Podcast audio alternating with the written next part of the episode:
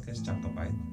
Ya, podcast Cangkep Pahit ini bakal ngomongin tentang bagaimana sih berteman Bersosialisasi, cari teman yang asli Mungkin masalah dalam hidup Kerasnya uh, badai permasalahan dalam hidup Dan bagaimana kita untuk berjuang bangkit kembali. Nanti bakal ada segmen buat ngobrol-ngobrol Gimana sih kita